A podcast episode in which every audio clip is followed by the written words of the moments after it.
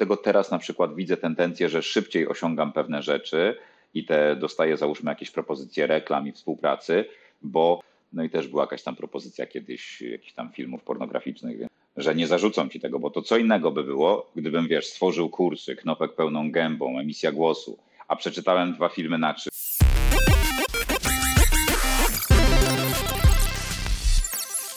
Dzień dobry, witamy. Dzisiaj pierwszy specjalny odcinek, ponieważ wychodzimy troszeczkę poza, poza branżę fitness. Moim gościem jest Łukasz Knopek-Konopka, także witamy serdecznie. Dzień dobry, siemano, cześć.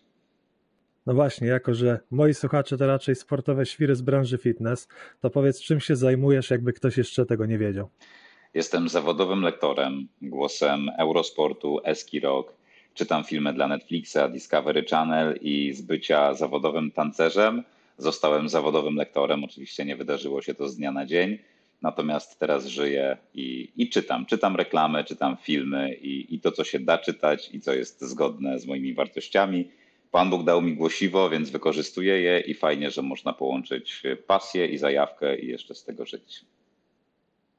No dobrze, fajnie, że wspomniałeś o, o tym tańcu, bo na początku chciałbym troszeczkę o tym pogadać, o takiej twojej przemianie i zmianie z, z jednego na drugie, więc e, krótko opowiedz, jak to się w ogóle wydarzyło, jakie myśli przy tym wszystkim były, że doprowadziły cię do tego, że tym lektorem zostałeś. Od samego początku to było tak, że miałem być zawodowym pływakiem, więc sport nie jest mi obcy, natomiast ostatecznie padło na taniec i, i zacząłem mocno się rozwijać. To był rok 2000, no 2007-2008 i chodzi o to, że tańcząc, podróżując, zacząłem poznawać mnóstwo ludzi, zacząłem brać udział w różnych projektach, występować też w reklamach i dużo osób zaczęło zwracać uwagę na mój głos że, mam jak, że moja barwa jest taka niska i dużo osób też pytało, pytało się mnie, czy przypadkiem nie pracuję w radiu. No i na tamten czas, jak miałem te 19-20 lat, no to nie sądziłem, że można pracować jako lektor i, i w ogóle z tego żyć. Natomiast poszedłem na Akademię Teatralną Namiotową do biblioteki, poprosiłem o książkę na temat sztuki mówienia i tak naprawdę to był pierwszy taki switch, że zaufałem ludziom z innych branż, które mi e, podpowiedziały, że powinienem coś więcej robić. No i, i mówię, dobra, skoro prowadzę zajęcia, prowadzę warsztaty i tak rozmawiam z ludźmi i ta komunikacja jest nam potrzebna i to w jaki sposób mówimy jest mega ważne, no to postanowiłem, że będę się w tym rozwijał. Ale na samym mhm. początku nie było takie coś, że z dnia na dzień mówię, dobra, to teraz z lektorki, z bycia tancerzem, wjeżdżam w klimat lektorski i, i będę tym lektorem. Nie, to, to narastało. To narastało i, i moment, w którym widziałem, jak, jak te ćwiczenia wpływają na to, w jaki sposób mówię i się komunikuję, i ludzie jeszcze bardziej zwracali później uwagę, że ej, ale twoja dykcja się zmieniła, coś robisz, coś trenujesz, no to zaczęło to jeszcze bardziej we mnie tak narastać, że kurde, może faktycznie warto coś z tym zrobić. I będąc zarówno tancerzem, poszedłem na pierwsze warsztaty dubbingowe w studiu Start International w Warszawie.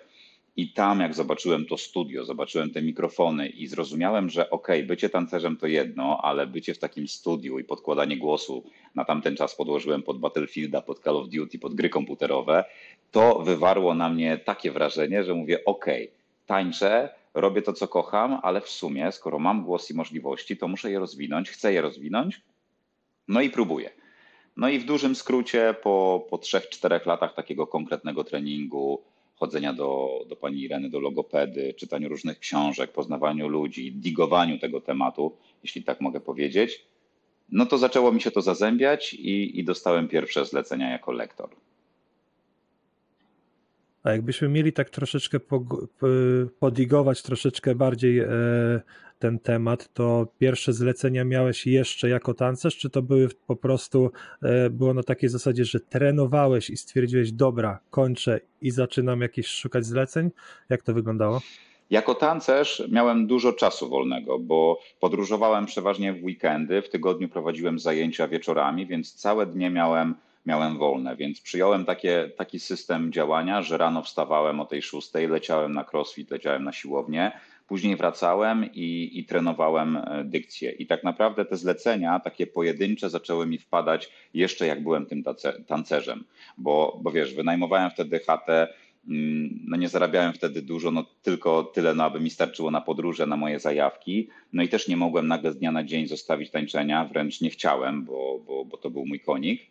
Natomiast z każdym miesiącem przychodziło coraz więcej tych zleceń, ale też dałem sobie taki deadline, że mówię, dobra, bo to jest tak, że jak prowadzisz zajęcia, no to masz cykle, no tak jakbyś do szkoły chodził, że no przeważnie do końca czerwca kończy ci się, masz te dwa miesiące przerwy i nowy sezon się zaczyna we wrześniu, więc ja sobie dałem wtedy czas, pamiętam, to był początek roku, że to jest mój ostatni sezon, czyli mam pół roku, żeby rozwinąć mocno ten taniec, ten, tą lektorkę, a taniec przechodzi bardziej tak na taki tryb zajawkowy, że już nie chcę uczyć, że chcę sobie odpocząć od tego, a skupiam się na zawodzie lektora.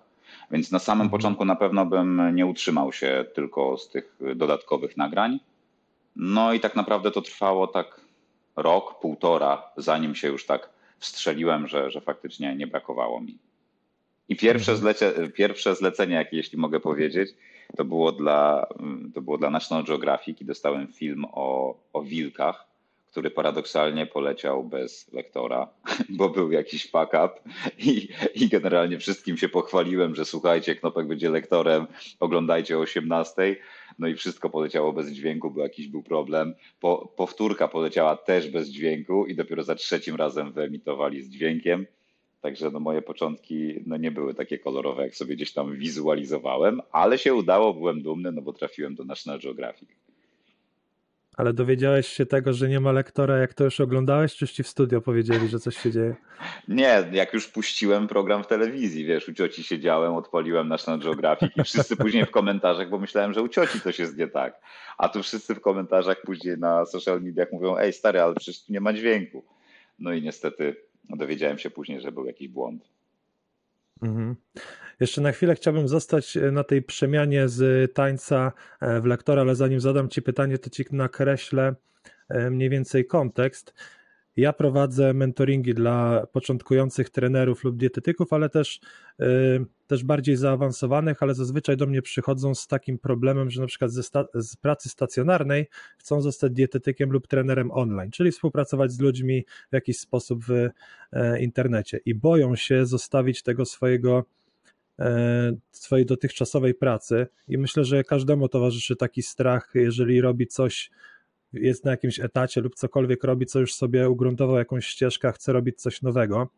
I zastanawiam się, czy w momencie, kiedy ty chciałeś przejść na tą lektorkę, to odłożyłeś sobie jakieś pieniądze w razie czego, jakby nie poszło, czy to było raczej takie ryzykowne? Ja pytam dlatego, ponieważ ja zazwyczaj tym ludziom radzę, żeby sobie zbudowali jakąś poduszkę, żeby mieli taki komfort psychiczny i zastanawiam się właśnie, czy u ciebie coś takiego było. Strach był, lęk był, to, to, to na pewno. No bo tak naprawdę nie masz y, potwierdzenia, nie, nie dostajesz papierka pod tytułem OK, panie Łukaszu, z dniem 1 września ty jesteś lektorem i, i możesz pracować, Mhm. więc, więc tutaj to było dla mnie naprawdę trudne i to było wyzwanie, z którym się borykałem y, wiele miesięcy. Pieniędzy jako tako sobie tam dużo nie odłożyłem. Bardziej to była kwestia mojej wiary w to, że mówię, dobra, skoro bycia z początku sportowcem, gdzie kompletnie nie słyszałem muzyki, nie potrafiłem jej odliczać, zostałem zawodowym tancerzem i udało mi się wygrywać zawody w Polsce i prowadziłem warsztaty, szkolenia i zacząłem z tego żyć, gdzie na samym początku były marne szanse, bo po prostu mi to szło ciężko, no to stwierdziłem, dobra, skoro mi się to udało, no to, to czemu miałoby mi się nie udać to lektorstwo, skoro faktycznie ludzie mi mówią, że mam głos? No to dałem sobie takie coś, że, że chcę to zrobić, zrobię to i koniec kropka. Towarzyszył mi przy tym lęk, ale poczucie, w sensie dbanie takie umysłowe o to, że dobra, z dniem 1 września ja już się przeistaczam z tego tancerza w lektora i to dawało mi takie, taki napęd, że, że ja muszę to zrobić, że ja chcę to zrobić, no bo skoro po, powiedziałem A, no to muszę zrobić B. I, I to było moim zdaniem takie połączone. I na tamten Mhm. czas były sytuacje, że, że ja żyłem na debecie, bo, bo po prostu mi brakowało czasami siana. Natomiast y, no, ta wiara i ten umysł i, i, i no po prostu wiara dawało mi to, że, że wiedziałem, że jeszcze nie wiedziałem kiedy, ale wiedziałem, że mi się to uda i, i że sobie poradzę. To było najważniejsze. Jest w takich sytuacjach chyba takie dziwne przeczucie, że się uda, nie? Taka dziwna pewność mimo wszystko, że nie, jest tej, nie ma tej pewności. No ja tą pewność y, siebie wypracowałem na pewno na parkiecie, bo wcześniej byłem osobą bardzo zamkniętą i, i no miałem problemy z tym uwierzeniem w siebie, ale ten taniec, to wychodzenie na zawody, startowanie w nich, konfrontowanie się i wchodzenie w te sytuacje stresujące i, i wychodzenie z nich cało dało mi takie poczucie, że, że mogę.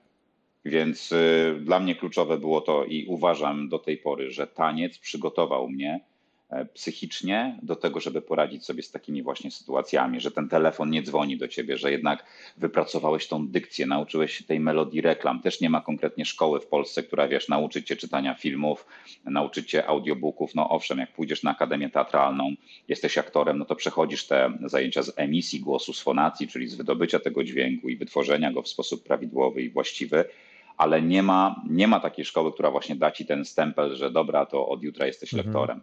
To było ryzykowne. Niemniej patrzyłem z perspektywy na innych lektorów, na panią Krystynę Czubówną, na Tomasza Knapika Świętej Pamięci, na tych wszystkich, na te, na te legendy, przy których ja się wychowywałem i stwierdziłem, że dobra, skoro oni to zrobili potrafią i żyją z tego, bo dużo osób mi też zarzucało i mówiło, że dobra stary, miej swoją pracę, ale wiesz, lektorka to tak mhm. tak dorywczo. A ja stwierdziłem, że nie, że skoro są takie ikony lektorstwa i oni z tego żyją, to ja też chcę tak. Choćby, choćby mi to zajęło naście lat, to to osiągnę. No i, no i jestem w tym procesie, można powiedzieć. To, o czym wtedy marzyłem i do czego dążyłem, teraz, teraz to jest i, jestem bardzo za to wdzięczny. Super. Na Twoim Instagramie można zobaczyć Twoje poranne rytuały. I gdzieś tam jest e, kąpiel e, w zimnej wodzie, jest e, kąpiel w beczce, jest medytacja. Co ci to daje? Daje mi to fundament, mocny fundament do tego, abym radził sobie w ciągu dnia z tym, co się dzieje w mojej głowie, z moimi myślami. Po prostu dzięki temu ja panuję nad sobą, daje mi to siłę, daje mi to motywację, bo, bo podchodzę do tego w taki sposób, że cały czas trenuję mój umysł, bo moje emocje przykładowo rano o godzinie 5 są takie, że stary, no filmy masz na 15, to po co będziesz wstawał? No i to jest takie, Mm, dla mnie to jest takie pobudzające, że skoro ja wstaję o tej piątej i zrobię sobie tą motywację, zrobię sobie, posłucham sobie przykładowo wywiadów y, na temat motywacji i tego, jak można podchodzić do życia, posłucham sobie różnych ludzi, którzy już coś osiągnęli, wejdę do tej zimnej wody, porobię sobie oddechy, to cały czas z tej komfortowej sytuacji wychodzę w tą, nie, wchodzę w tą niekomfortową, ale staram się poczuć w niej dobrze. I dzięki temu uważam, że cały czas wzrastam mentalnie i przygotowuję się na różnego rodzaju sytuacje, które, które spotykam w ciągu dnia. Więc to mhm. mi bardzo dużo daje. To mi daje poczucie wartości, to mi daje spokój wewnętrzny, że, że panuję nad sobą w sytuacjach, które, które na samym początku wydają się jakimś takim zagrożeniem. No to uważam, że bez tego to, to nie, miał, nie, nie, osiągnąłbym, nie osiągnąłbym tej systematyczności. Bo to mi pokazuje, że skoro to zrobiłem, to, to i to, no to ja czuję się, czuję się spełniony. Czuję się spełniony i, i od razu inaczej, in, in, mam inną energię, inaczej funkcjonuję wśród ludzi, inaczej z nimi rozmawiam. Jestem bardziej świadomy siebie, a, a to jest rzecz dla mnie bardzo ważna. A próbowałeś przez jakiś czas tego nie robić i widziałeś, że to wpływa negatywnie? Miałem takie momenty. Miałem takie momenty, zwłaszcza po mniej więcej 3-4 latach, kiedy już przeszedłem z tego tańca, gdzie podróżowałem, poznawałem ludzi, byłem cały czas w ruchu i nagle wiesz, siadasz przed mikrofonem i czytasz 8 godzin na przykład. I siedzisz w dziupli, zamknięty, nie masz kontaktu z ludźmi, no jest kumpel, realizator, no ale jesteśmy skupieni na robocie. I były takie momenty, że miałem problem ze wstawaniem i zaczęło mi to przeszkadzać. Zaczęło mi to przeszkadzać, bo byłem bardziej taki zestresowany, z jednej strony osiągnąłem to, co chciałem, ale brakowało mi tego ruchu, brakowało mi tego kontaktu z ludźmi, a to, że, że wstaję, że robię to, jest dla mnie takim potwierdzeniem, że ok, udało mi się i automatycznie mam cały dzień do wypełnienia. A jak jeszcze wrzucam mhm. to na Instagram, bo, bo zastanawiałem się długo, czy, czy takie rzeczy też udostępniać y, publicznie, ale postanowiłem, że spróbuję, bo, bo może to kogoś zainspiruje do tego, żeby faktycznie wstał też wcześniej, żeby zrobił te 50 pompek albo coś. No po prostu stwierdziłem, dobra, wrzucę, skoro i tak ludzie tam wchodzą na mój profil, to zobaczymy, co się wydarzy. I w ostatnim czasie, jak zobaczyłem ten odzew w postaci wiadomości prywatnych, gdzie ludzie mówią, że dzięki mnie mm, zaczęli wstawać wcześniej, albo poszli na siłownię, albo spróbowali lodowaty prysznic, to jest rzecz, która no, no jest niesamowita dla mnie, bo, bo wymieniamy się wtedy energią. Ja uważam, że że na tym polega życie mocno, żeby się dzielić tym dobrym vibem, bo jak jest ten dobry vibe w, w trudnym świecie, jaki nas otacza i wśród tych wszystkich rozpraszaczy, no to, no to to jest jakieś takie dla mnie światełko w tunelu, że, że ciekawe jest to, że człowiek coś robi i może zainspirować drugą osobę do tego. Mhm. I to mi daje napęd. No to jest bardzo ciekawe, y, co mówisz. Nie wiem, czy się ze mną zgodzisz, ale to, co tobie daje jakby zimne prysznice, motywacja i cała ta rutyna taka poranna, ja mam tak na przykład z coachingowymi książkami. Bardzo dużo osób mhm. gardzi tymi książkami, ale ja stestowałem to na sobie i tak naprawdę każda książka troszeczkę mówi o tym samym, ale autor ma troszeczkę inną historię, ale końcówka jest ta sama, generalnie sukces i tak dalej. Dużo osób właśnie zarzuca tym książkom to, że to jest takie motywacyjne pierdololo, w cudzysłowie. tak, tak. I ja się z tym jakby w pełni zgadzam, ale w momencie, kiedy ja nie czytam na przykład z dwa miesiące takiej książki, to ja czuję, że staje się troszeczkę mniej efektywny. Ja troszeczkę celowo wykorzystuję te książki po to, żeby być w takim motywacyjnym trybie, jakby. Przeczytam jakieś kilkanaście, kilkadziesiąt stron dziennie ja już jakby ten autor mi troszeczkę pokazuje argument, żebym dzisiaj zrobił coś, czego mi się nie chce. Bo na przykład taką pracę, którą mam na co dzień, gdzieś tam już zrobiłem, ale wiadomo, żeby się rozwijać dalej, trzeba robić więcej. Czyli na przykład nagrać z Tobą podcast, przecież tego nie muszę robić, ale tak. to też e, mam jakiś swój ukryty e, cel w tym podcaście, żeby poznawać ludzi fajnych, gdzieś tam też od nich tą energię brać i ich opowieści słuchać. I to jest moim zdaniem niesamowite narzędzie do tego, żeby dzia działać dalej. Nie wiem, czy się ze mną zgodzisz. Jak najbardziej. Wiesz, bo abstrahując od tego, że ok, stworzyłeś sobie podcast, nagrywasz go ze mną, to jest jedna rzecz, ale to, co się teraz dzieje, że my się wymieniamy zdaniami, rozmawiamy o czymś, a tak naprawdę nigdy się nie widzieliśmy na oczy na żywo i nie zbiliśmy piony, to jest dla mnie niesamowite, że żyjemy w czasach, w których my możemy podzielić się swoimi historiami i jeszcze ktoś inny, jadąc sobie furą, idąc na spacerze, może posłuchać tego. Jeśli chodzi o te książki, to jak najbardziej się z Tobą zgodzę. Faktycznie jest taki, takie coś, że ludzie stwierdzają, że, no, że to jest takie, tak jak określiłeś, pierdololo, ale ja od 15 roku życia mnóstwo takich książek czytałem, bo to był, miałem po prostu trudny okres, y, kiedy dorastałem i, i te książki uratowały mi tyłek. Ja sobie robiłem właśnie tak, że, że zapisywałem sobie dzięki tym książkom, nauczyłem się zapisywać swoje myśli, jak się czuję. Tak naprawdę ja dopiero po czasie, po kilku latach dowiedziałem się, i to Agnieszka moja mi wytłumaczyła, że ja coachowałem siebie w sposób y, nieświadomy. W sensie robiłem te ćwiczenia, no bo w książce było, to napisz teraz jak się czujesz, albo stwórz sobie wizję czegoś tam. No i ja po prostu sobie siedząc, bo i tak nie miałem nic innego do roboty, robiłem to i mam te pudła i te wszystkie zapisane kartki sprzed 10-13 lat i zawsze co roku w grudniu, jak mam taki okres już spokojniejszy przed świętami, to siadam, wyjmuję to i czytam. I uwierz mi, że te wszystkie rzeczy a propos bycia lektorem, tancerzem, mam fajne ciuchy, nie wiem, mam motocykl, jakby konkretnie w punkt teraz mam to wszystko. I to nie jest coś podobnego, tylko to, co sobie wtedy wypisałem. Wiadomo, że 100% mi się nie spełniło, ale te 98%. I, I tak samo z tych książek dowiedziałem się, że z naukowego punktu widzenia jest to jest kolosalna różnica pomiędzy tym, co sobie pomyślimy i stwierdzimy, a pomiędzy tym, co zapiszemy. No i ja tym trybem żyję do dzisiaj i, i to jest niesamowite, jaką mamy siłę umysłu.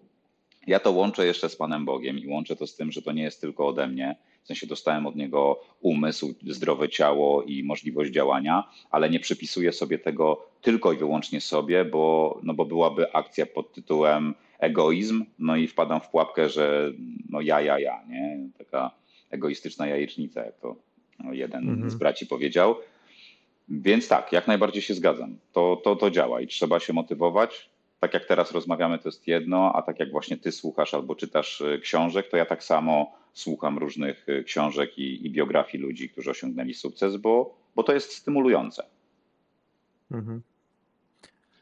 A czym jest dla ciebie tak naprawdę siłownia i trening? To jest pewnie dodatek i uzupełnienie tego wszystkiego, co? Tak. Ja, ja chodzę tam z tego względu, że, że chcę zadbać o swoje ciało pod kątem wyglądu, no żeby, no żeby po prostu podobać się mojej Agnieszce i żeby czuć się dobrze ze sobą.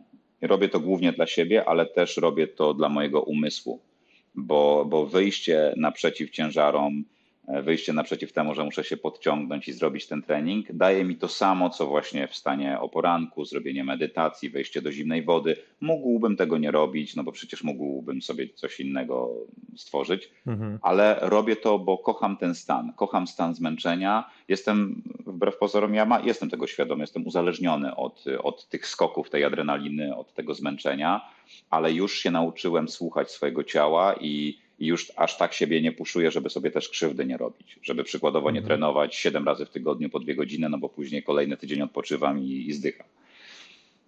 Więc tak, więc chodzę na siłownię po to, żeby, żeby dbać o siebie, o umysł, no i też dla ludzi, bo ćwiczymy w fajnych grupach i to, że wiesz, przychodzisz o godzinie 6.15 na trening, masz 20 osób na sali, no to, no to przynależysz do takiej grupy i to jest bardzo miłe. No mi się to podoba. Każdy z nas jest z innej parafii, ktoś jest informatykiem, ktoś robi coś innego. Ja przychodzę, Aga przychodzi i trenujemy wspólnie, robimy fajną rzecz i no kocham to. A dlaczego akurat y, taka forma crossfitowa bardziej? Ja CrossFit zacząłem w 2011 roku, 2012, jak jeszcze w ogóle to wszystko wchodziło do Polski. Trenowaliśmy w CrossFit Mhm. Doku na woli, natomiast później odszedłem od tego, bo to już zaczęło mi kolidować z tańczeniem. Po prostu moje ciało już nie wytrzymywało tych kilku godzin treningu tanecznego i, i crossfitu, ale tak mi to zapadło, ta formuła i ten trening w pamięć, że wróciłem do tego. I teraz to, co robimy, no to można by to trochę podpiąć pod crossfit, natomiast y, Paweł Raczyński, właściciel tego trening laba, on zrobił bardziej taką formułę, bym powiedział, taki WF dla dorosłych. Już nie ma, już nie ma takiego puszowania pod tytułem jakieś takie keepingi, techniczne, trudne rzeczy, których, na, które, na które trzeba by poświęcić czas, tylko bardziej to jest taka forma właśnie przysiady, bieganie, wskoki na, na skrzynię, podciąganie, ketle i to mi też bardzo pomaga w jeździe na motocyklu i w moich zajawkach, które, które robię po wyjściu z tej siłowni. I to jest taki dodatek mój, nie? To cia- ciało jest przygotowane, ono jest zwarte, czuję się silny dzięki temu, no i automatycznie to się przekłada później na mój cały dzień. Mhm. No właśnie, bo twoją taką, takim dużym hobby to jest też e, motocykl, prawda? Ty, ty, ty nie masz crossa, tylko to się inaczej nazywa ten typ chyba motocyklu, nie? Ja mam szosowo-turystycznego GSA O, właśnie. BMW Mhm. 1250 Adventure'a i to jest taki flagowy model, że moto, wśród motocyklistów jest takie coś, że każdy i tak w końcu skończy na GS-ie. Coś w tym jest. Kocham ten motocykl za to, jaki jest. I, I drugi mój motocykl to jest motocykl trialowy. To już jest taki wyczynowy motocykl, który nie ma siodełka i, i po prostu śmigasz już po takim ostrym terenie. Uczysz się Mhm. przeskakiwać kamienie, kłody, no to już jest mega frajda i ja go w sumie kupiłem teraz w grudniu, bo, bo tego GS-a już tam prawie z dwa razy trzy skasowałem. W sensie na szczęście się nic nie stało, ale on jest, wiesz, 270 kg, wielki dzik, a Mhm. tutaj mam 69 kg, biorę go na przyczepkę i wjeżdżam w teren, no i nie przygniecie mnie, mogę samemu potrenować, więc też zrobiłem to z premedytacją, żeby, żeby było mi wygodniej. Mhm. A powiedz, jak wygląda twoja dieta? Jak się odżywiasz? Od, od pół roku jestem na pudełkach. Zmieniałem sobie firmy, natomiast teraz mam bardzo fajną e, firmę właśnie Pawła Raczka, tego mojego trenera. I no jem pięć posiłków dziennie, mam 2400 kalorii, ale tak naprawdę ja nigdy, nigdy nie miałem czegoś takiego, że ja przestrzegałem jakiejś kaloryczności. Wiesz, jak jesteś tancerzem i trenujesz po 4-5 godzin dziennie, to tak naprawdę możesz o 12 w nocy zjeść trzy kebaby, a i tak będziesz ważył 73 kilo i będziesz miał kochy na brzuchu, nie? więc, więc moja przemiana materii pod tym kątem jest super, że, że mogę jeść wszystko, kiedy chcę, ale ostatnio trzymam tego i ostatni posiłek wcinam mniej więcej 18-19, żeby troszeczkę głodnym pójść, wstać rano, kawa z masłem i na trening i dobrze się czuję. Ale mam też takie momenty w ciągu roku, że na przykład towarzyszy mi non-stop y, kebab FS, Sapko w Warszawie, takie jedne z lepszych i, i kocham je, nie? Więc jem tłusto, jem dużo mięsa, ale tak jak mówię, przez to, że ruszam się często, że uprawiam te sporty, to, no to, to, to mogę sobie na to pozwolić. Mhm. Czyli ogólnie takie twoje narzędzie, nazwijmy to dietetyczno-aktywnościowe i wszystkie te rutyny prowadzą do tego, żebyś ty miał świeży umysł i mógł dobrze działać, tak? Tak, jak najbardziej. No bo, bo no, Mhm. zauważyłem taką tendencję, że jak były momenty, w których tylko jadłem na przykład takie właśnie tłuste rzeczy, jakieś kepsy i nie miałem tej diety, bo jestem też po szkole gastronomicznej, więc był moment, w którym bardzo dużo gotowałem dla siebie, dla Agi. No ale teraz przykładowo nie mam na to czasu, bo mocno chcę rozwijać y, swoi, swoją firmę, biznes i, i tak dalej. No to stwierdziłem, że wezmę sobie pudełka. I oszczędność tego czasu e, versus jeszcze to, że mam przepyszne posiłki, to jest wszystko zbilansowane, daje mi ten świeży umysł. Bardzo mało słodyczy jem, chociaż jak mam ochotę, to oczywiście no wszystko jest dla ludzi, zjem sobie czekoladę czy tam coś, ale mm, tak, ale to mi dużo daje. No. Mhm. A jakieś suplementy spożywasz? Biorę sobie kreatynkę czystą, ten nawet, tak, tak, czystą. Monohydrat? E, Tak, dokładnie. Mhm. Mm, Beta-alaninę, dobrze mówię? Tak, Mhm. beta-alaninę i jakieś elektrolity, bardziej pod kątem tego, że jednak jak jest ciepło i pojadę na moto, to leje się z ciebie, więc tutaj chcę się dobrze na, nawadniać. I to by było, na, i to by było tak naprawdę na tyle. Dużo wody. Mhm. Dobra. Przygotowując się do naszej rozmowy, przeleciałem cały Twój Instagram od góry do dołu. I bo chciałem e, zobaczyć, jak to się wszystko zmieniało na przestrzeni e, lat, i zauważyłem takie coś, i chciałem Cię właśnie o to zapytać. Od początku Twojego Instagrama gdzieś tam wi- widać było hip-hop i tańce, ale to bardzo szybko zostało zamienione już w posty typowo o byciu lektorem ale na pewnym etapie gdzieś na środku jest bardzo dużo treści tylko motocyklowej. Tak. I czasami przeplatała się jak, jakiś tam post gdzieś w studio, jak nagrywałeś, ale generalnie jak sobie scrollujesz troszeczkę, to praktycznie cały czas było moto i nagle Mhm. znowu wjechał, wjechał lektor. I zastanawiam Tak. się, co to jest za dziura. Czy to było to, że kupiłeś sobie motocykl, czy była jakaś zajawka, a lektor gdzieś poszedł w odstawkę? Ja miałem tak, że do pewnego momentu w swoim życiu jakoś tego Instagrama traktowałem tak wybiórczo, że czasami były takie momenty, że się zachłysnąłem. Na przykład jak z Agnieszką wyjeżdżaliśmy w podróże motocyklowe i robiliśmy po 5-6 tysięcy kilometrów po Europie, no to wiadomo, że wtedy na bieżąco zdjęcia wrzucałem, treningi i, i można było zobaczyć tendencję, tak jak zwróciłeś na to uwagę, że jest mnóstwo zdjęć motocyklowych, a mało ze studia. Był taki moment też, że później w ogóle przestałem, tam wrzucałem posty raz na jakiś czas, bo, bo nie miałem na to czasu, nie miałem na to ochoty. Też przechodziłem takie trudniejsze okresy w swoim życiu na temat swoich wartości, tego, czego ja tak naprawdę oczekuję od życia. I na tamten czas kompletnie nie miałem głowy do tego, żeby dbać o te social media. Nie chciało mi się, wolałem, wiesz, posiedzieć sam ze sobą i rozkminić swoje życie. I był też taki moment, że, mm, że myślałem o tym, że będę instruktorem motocyklowym, więc się związałem z ADV Academy, gdzie, gdzie Zbychu nauczył mnie mnóstwo wartościowych rzeczy, jeśli chodzi o poruszanie się na motocyklu i pokonywanie przeszkód. Natomiast też stwierdziłem po pewnym czasie, że to za bardzo mi zaczęło pachnieć y, pracą, no bo jak tańczyłeś 10 lat i prowadziłeś te zajęcia, no to czułeś też, no jakby chcąc, nie chcąc, tą energię poświęcasz dla drugiego człowieka. I w pewnym momencie podjąłem decyzję, że nie, że jednak to jest moja zajawka, robię to tylko i wyłącznie dla siebie, nie chcę uczyć i trochę się z tego wymiksowałem. No i Mhm. też y, później zacząłem wrzucać już świadomie content pod tytułem lektorstwo, prowadzenie, prowadzenie ludzi pod kątem tego, w jaki sposób można ładnie mówić. No i też, też wtedy no widzisz, widzisz, jak to się zaczęło rozwijać. Tak naprawdę w zeszłym Mhm. roku dopiero maj, czerwiec, tak konkretnie wziąłem się za social media i zaczęliśmy świadomie prowadzić ten profil. Mam teraz zaprogramowane niektóre posty, część sam wrzucam i, i głównie już idę w kierunku tego, że, że jest knopek pełną gębą, że ma te swoje zajawki, ale główną moją pracą to jest lektorstwo, to jest pokazywanie ludzi, ludziom, w jaki sposób można zadbać o ten aparat mowy. Mhm. No właśnie o, o ten temat też chciałem poruszyć, że widać, że ta struktura e, postów już jest taka naprawdę zrobiona z głową, a nie przypadkowa. Tak. I zastanawiałem się, czy e, ktoś ci pomagał, czy sam się zastanowiłeś nad tym, jak to ma wyglądać.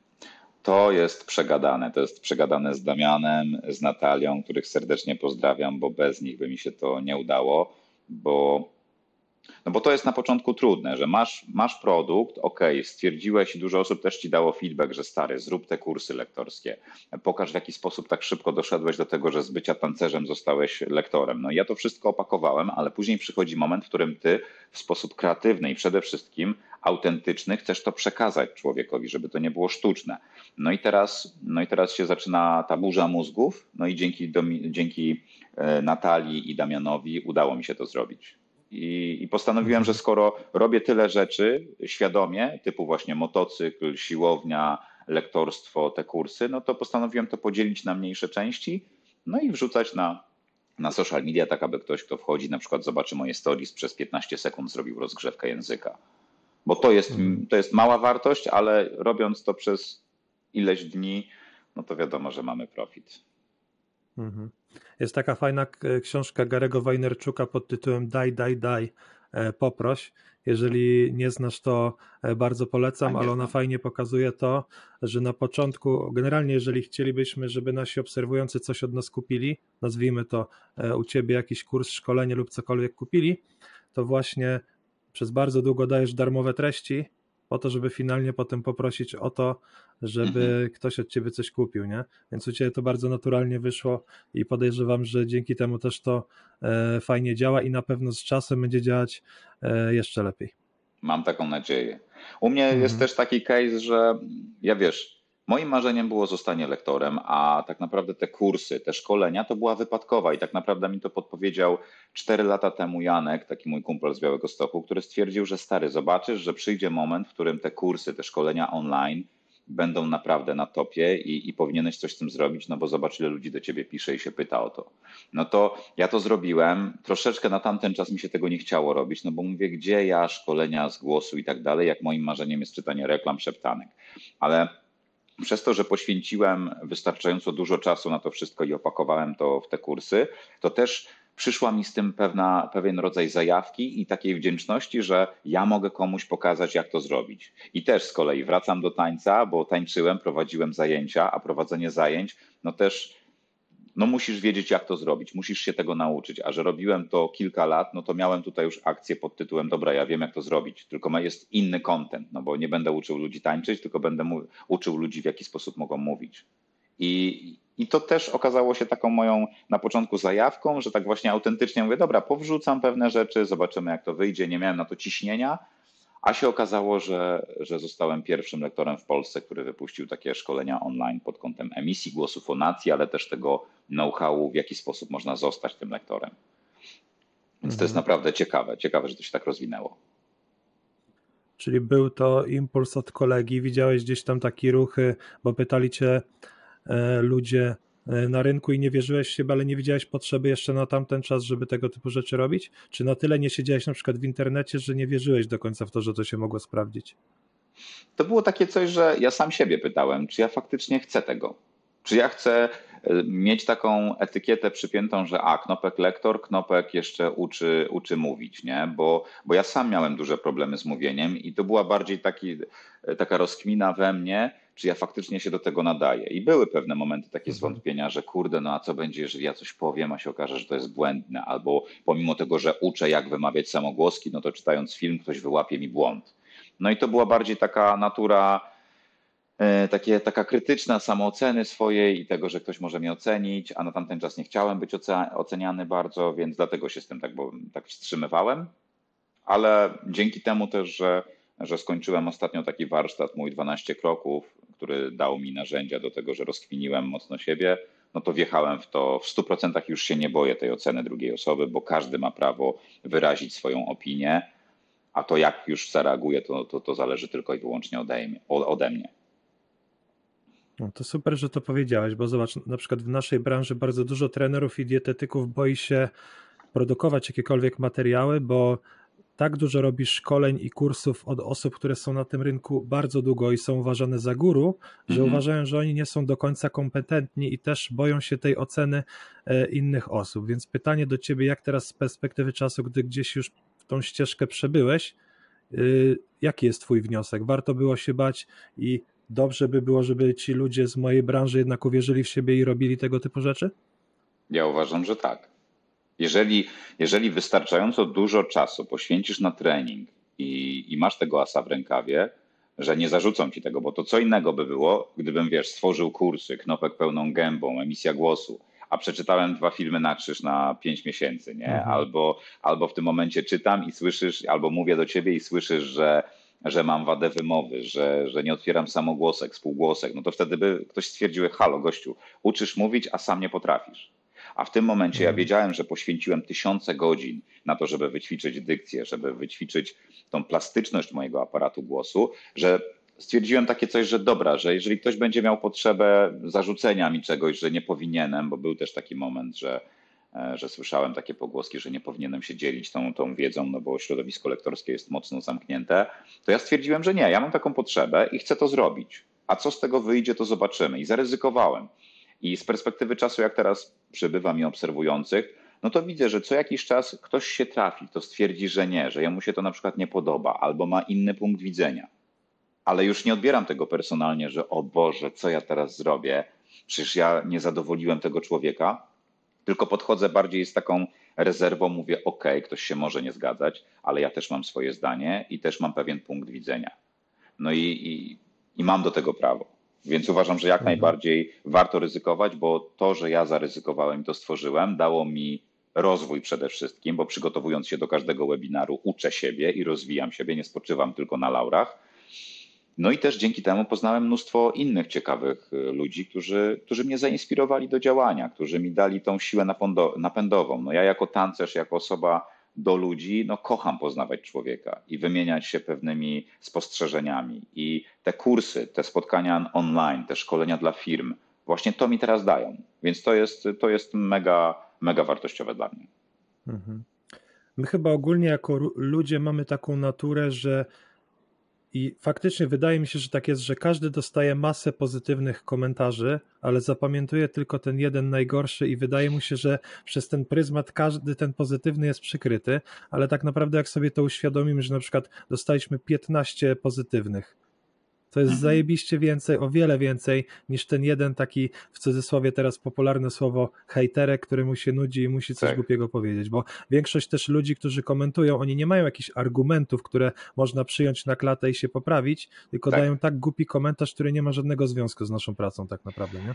No, czasami się tak, czasami się takie coś zdarza, ale to już nawet nie wchodzę w dyskusję, po prostu po prostu ok i, i tyle, i tyle w temacie, mhm. nie? No bo też szanuję swój czas i nie zamierzam teraz, moim, moją misją życiową nie jest teraz zaspokojenie każdej osoby, która przyjdzie do mnie na szkolenie i pokazanie jej, że, że, że to ja mam rację, bo to też nie na, te, nie na tym to wszystko polega, ale jak najbardziej, jeśli chodzi o umysł i takie właśnie to, że jest, wiesz, garstka ludzi albo duża grupa osób, która stwierdzi, że zajebistą robotę robisz, a kilka osób stwierdzi, że nie, to było bez sensu, ja się nic z tego nie nauczyłem, no to, to tak, no, no dlatego pracuję nad swoim umysłem, dlatego muszę i chcę świadomie skupiać się na tym, że właśnie wypisuję sobie rzeczy, za które jestem wdzięczny. Powtarzam sobie przed lustrem, stary, poprowadziłeś webinar, poprowadziłeś szkolenie, zobacz ile osób ci dało pozytywny feedback. Uważam, że takie stymulowanie siebie i powtarzanie sobie i poklepywanie się po ramieniu daje mi to, że, no, że po prostu wiem, że wiem, że to jest dobra droga,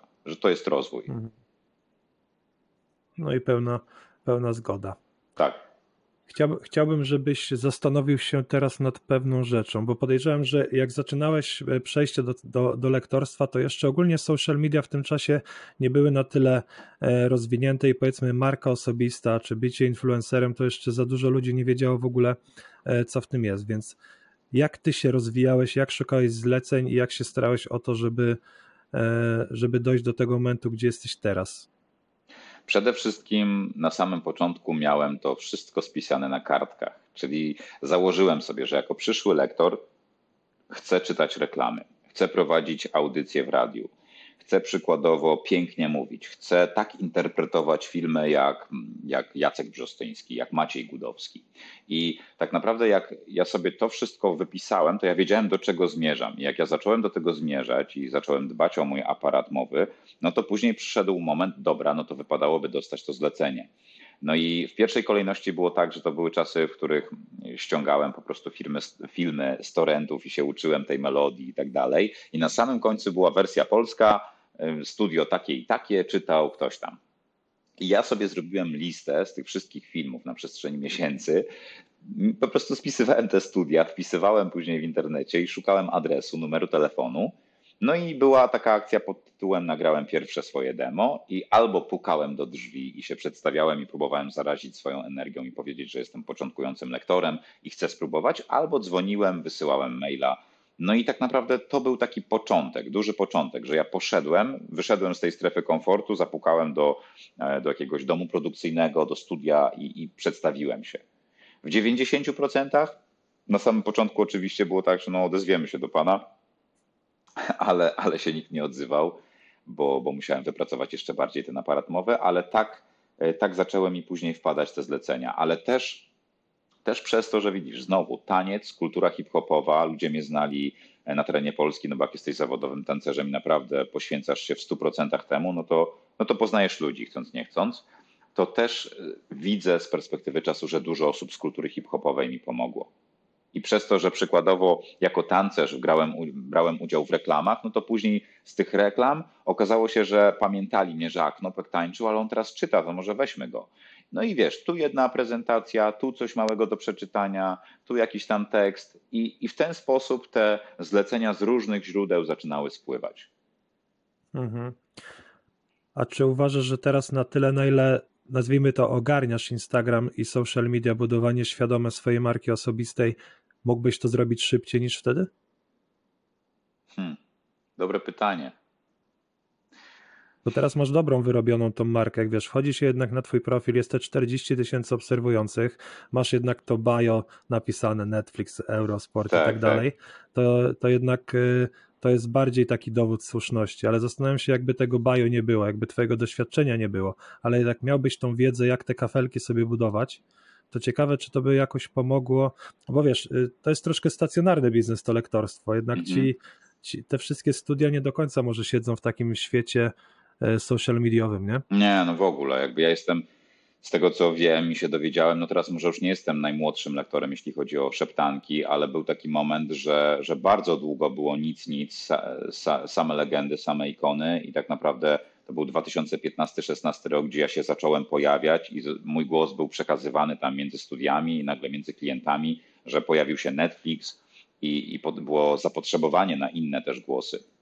Ale odpowiadając na Twoje pytanie, czy teraz bym sobie poradził szybciej, to jest trudno tak jednoznacznie odpowiedzieć. Ja bardziej podchodzę do tego w taki sposób, że ja dlatego, dlatego teraz na przykład widzę tendencję, że szybciej osiągam pewne rzeczy i te dostaję załóżmy jakieś propozycje reklam i współpracy, bo, bo ja już wypracowałem sobie pewną tą markę i uważam, że to wszystko wymagało czasu.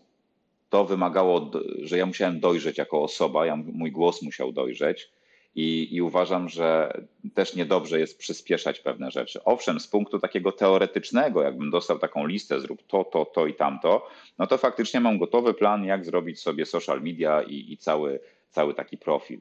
No ale tutaj też chodzi o autentyczność i chodzi o to, że faktycznie ja chcę wiedzieć, co ja chcę przekazać. Ja chcę mieć asa w rękawie pod tytułem Ja umiem to zrobić, ja przeczytam dobrze film, a żeby dobrze przeczytać film, no to ja przez te ostatnie 7 lat przeczytałem ich kilka tysięcy a nie zrobię tego załóżmy w miesiąc. Więc tak naprawdę ja uważam, że to jest połączone, że musi być takie powolne i świadome dojrzewanie w tym wszystkim, połączone z doświadczeniem, i później zaczyna się ten moment, w którym odcinasz kupony, nagle z, w pół roku doszło mi 30 tysięcy obserwujących, jak nie więcej, nagle na webinar mi się zapisuje 2,5 tysiąca osób więc, więc tak naprawdę to jest efekt, tak jak też z Damianem o tym rozmawiam, tego, że ja systematycznie pracuję konsekwentnie nad swoimi rzeczami i chcę być w nich dobry. Jak już jestem w nich dobry, no to ja nie ściemniam, tylko naprawdę dzielę się tą wiedzą. I wtedy druga strona, moim zdaniem, jest bardziej tym zainteresowana i przez to też przychodzi na mój profil.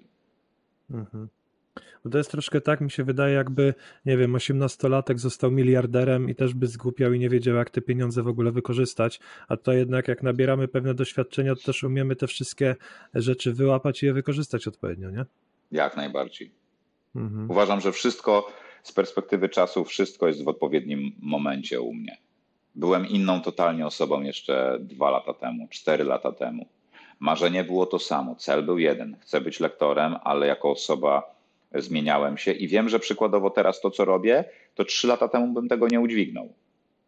Nie, nie byłem na tyle pewny siebie, jak teraz mhm. jestem. Nie wypracowałem tych wszystkich rzeczy i nie spotkałem takich, a nie innych sytuacji życiowych, bo dzięki nim ja teraz jestem, jaki jestem. Więc uważam, że to wszystko miało swoje miejsce e, w czasie. No ja, ja w to wierzę, po prostu w to wierzę. Mhm. No dobrze jeżeli jednak musiałeś zapukać do tych setek drzwi stacjonarnie i ten cały biznes lektorski jest taki bardziej stacjonarny, to jakie są różnice i może jakie zlecenia lub jakie drogi ci otwierają teraz profi y, twój profil na przykład e, na Instagramie, bo podejrzewam, że wiesz, teraz już masz jakiś kontrakt tam z Netflixem i tak dalej, te zlecenia powiedzmy spływają, bo już masz jakąś z nimi historię, mhm. ale jakbyśmy mieli to odłączyć i tylko miałby istnieć twój y, profil na Instagramie, to co on ci teraz daje? Co on mi daje? No cały czas, ja tak sobie to tłumaczę, że ja pokazuję ludziom i przypominam o sobie. Chodzi o to, że pokazując, że trenuję głos, że robię te rozgrzewki, że mam te kursy, że robię webinary, ja cały czas gdzieś tam wspominam, że kręcę się wokół tego samego tematu, bo mi na nim zależy. No i automatycznie przez to zauważam też tendencję do tego, że ludzie do mnie dzwonią później, bo z Instagrama przechodzą na moją stronę i mówią, że słuchaj, albo piszą wiadomości prywatnie, potrzebujemy nagrania do tego, potrzebujemy nagrania do IVR-u, czyli tam na, na telefon, żeby była sekretarka, albo szukamy głosu do jakiejś tam kampanii. Więc Instagram tutaj fajnie działa pod tym kątem, że ludzie widzą mnie, od razu mogą sobie zobaczyć, kim jestem, mogą popatrzeć i przejrzeć moje rzeczy, które robię na co dzień, więc powstaje pewien zarys tego, jaką jestem osobą i co robię. I, I, uważam, że bardzo mi pomaga.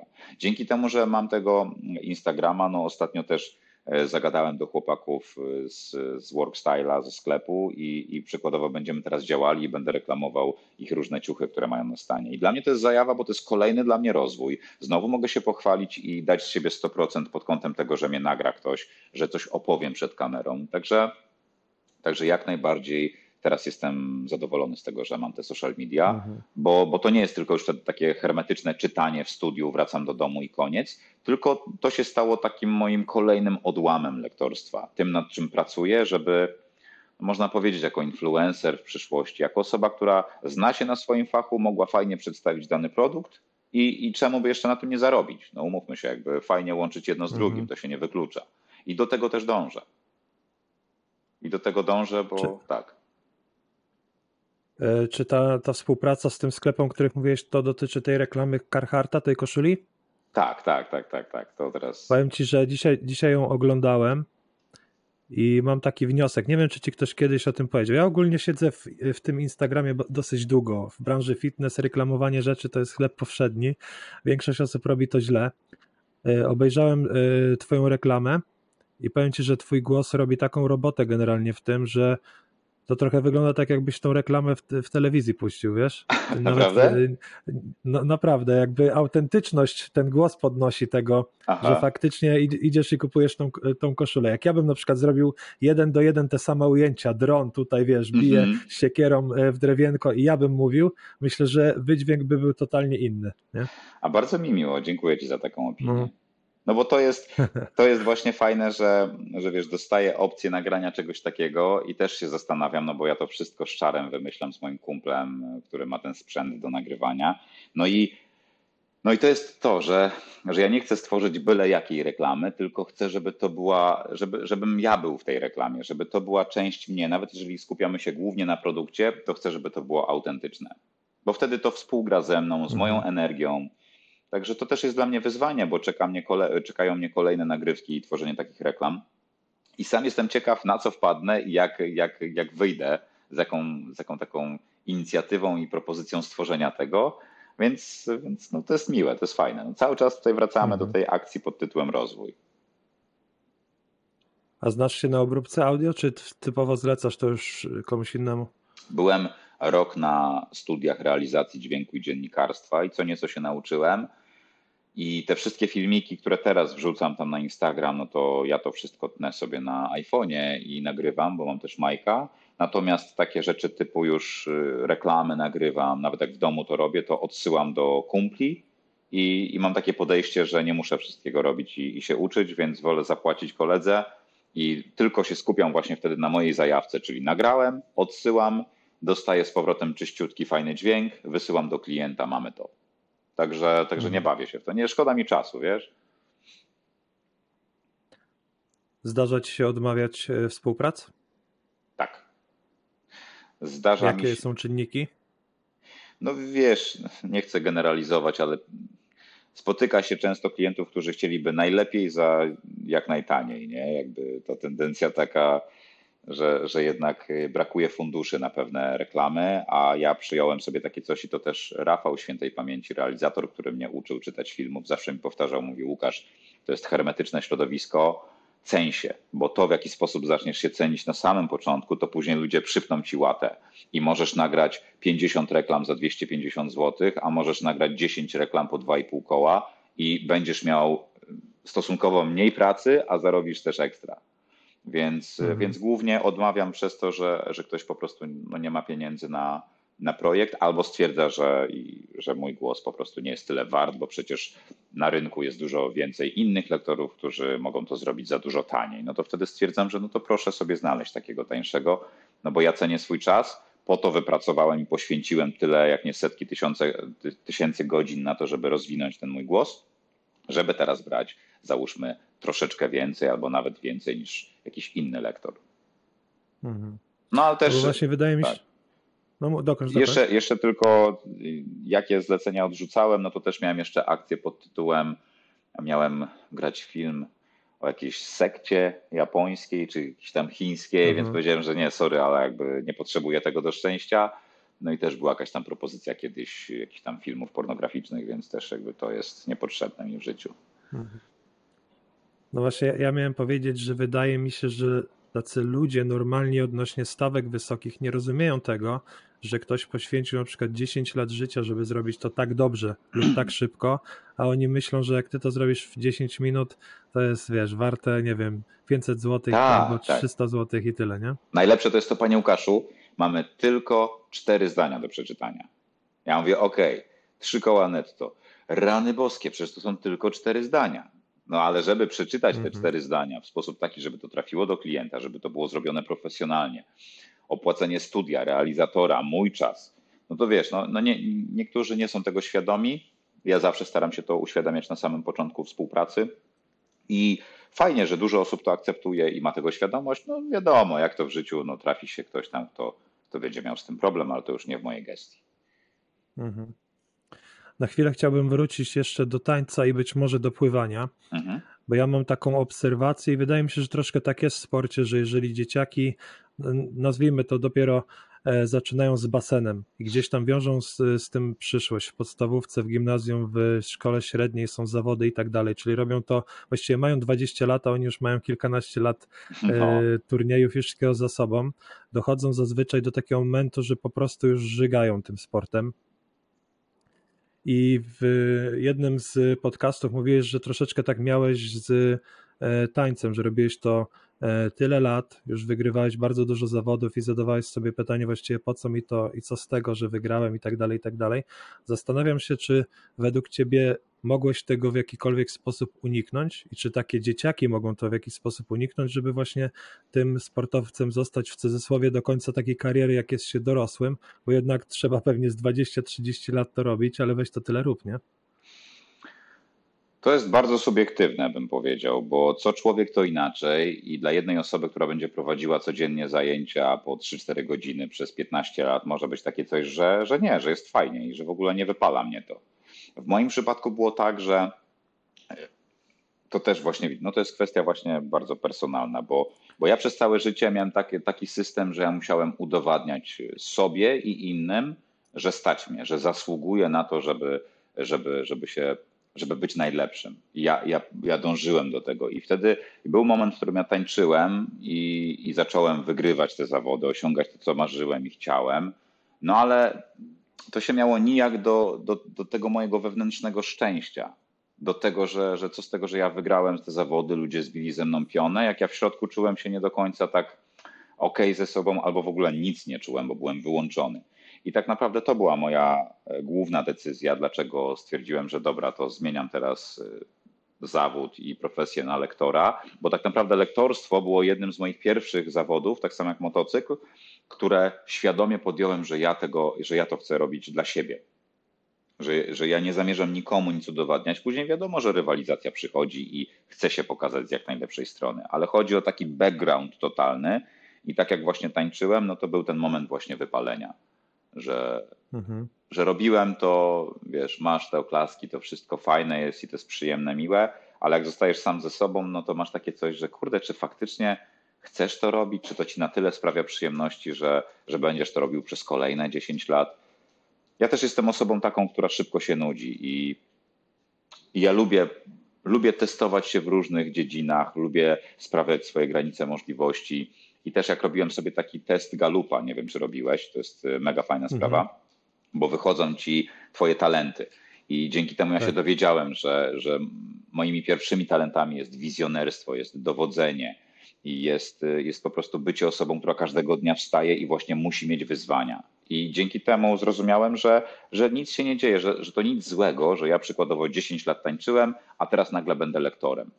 Nie zakładam, że będę lektorem do końca życia. To jest teraz mój czas, moja droga, ale ja już mam swoje marzenia. Za chwilę będę budował dom w górach, chcę go później wynajmować, może bardziej pójdę w kierunku innego biznesu. Głos mi zostanie, więc tutaj jestem otwarty na to. Mhm. Nie wiem, czy odpowiedziałem dokładnie na Twoje pytanie, tak, bo trochę tak, ten, ale, dobrze. ale tak, tak czułem, że.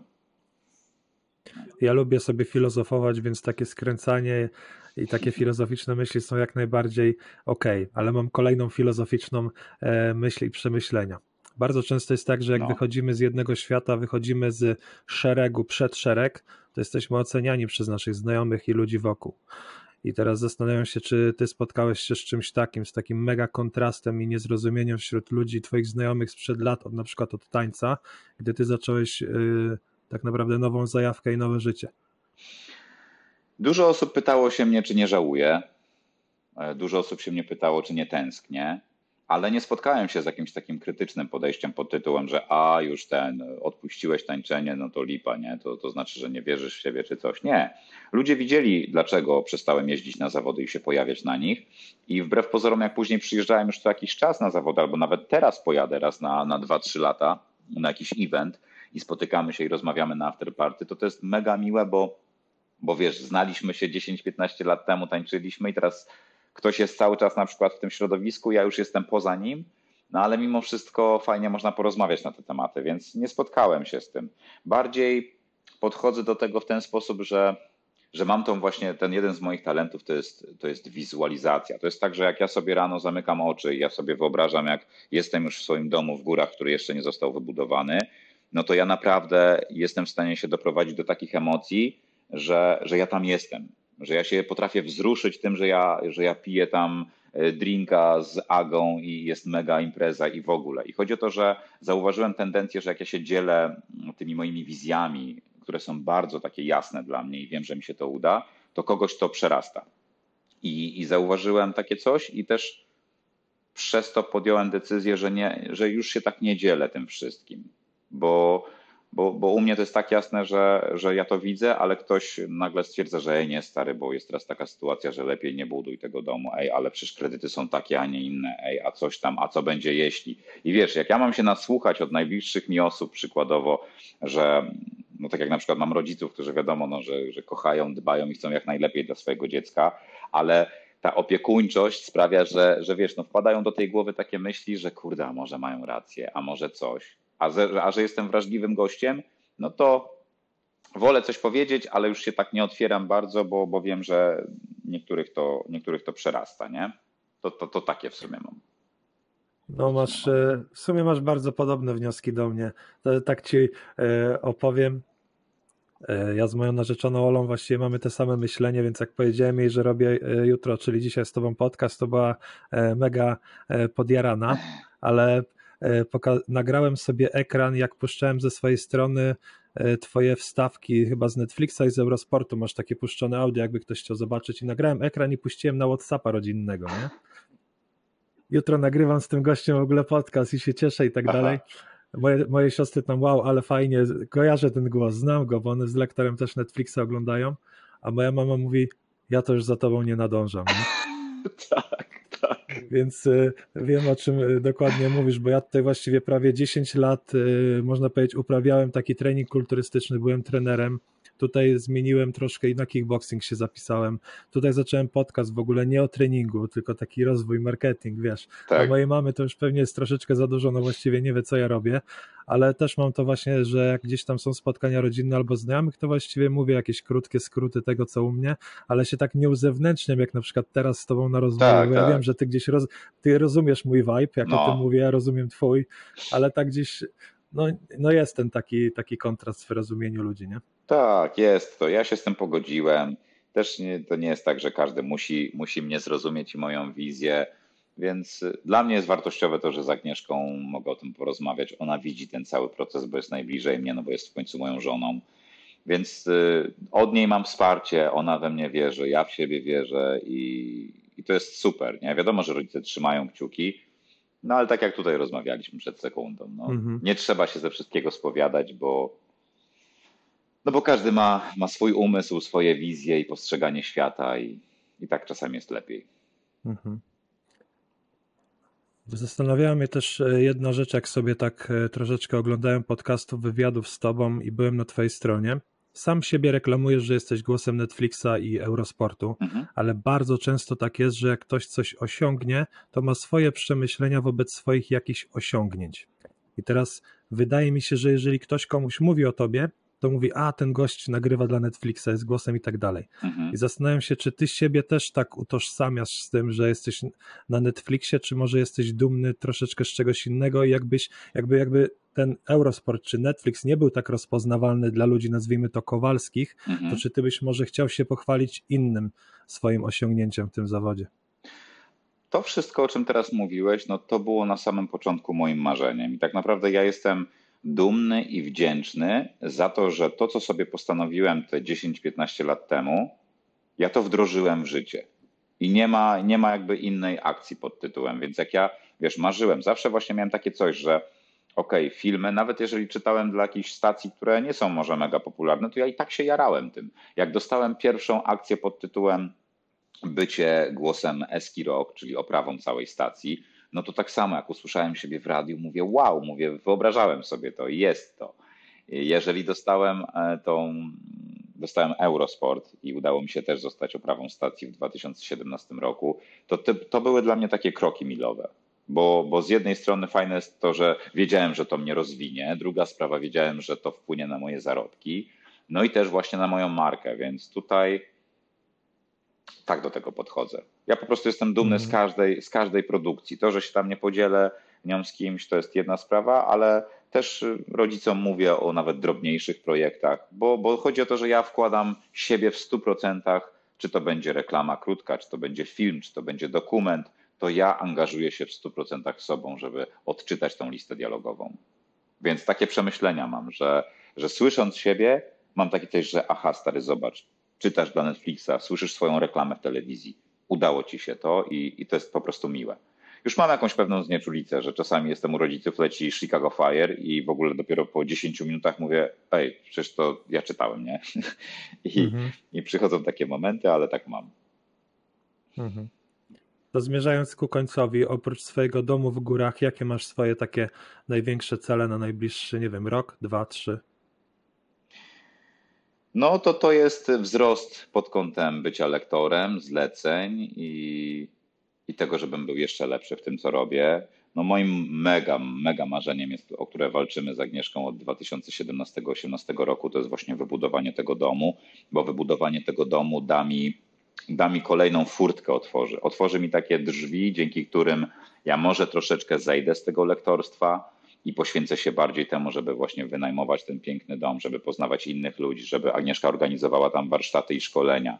Też myślimy oczywiście o, o założeniu rodziny.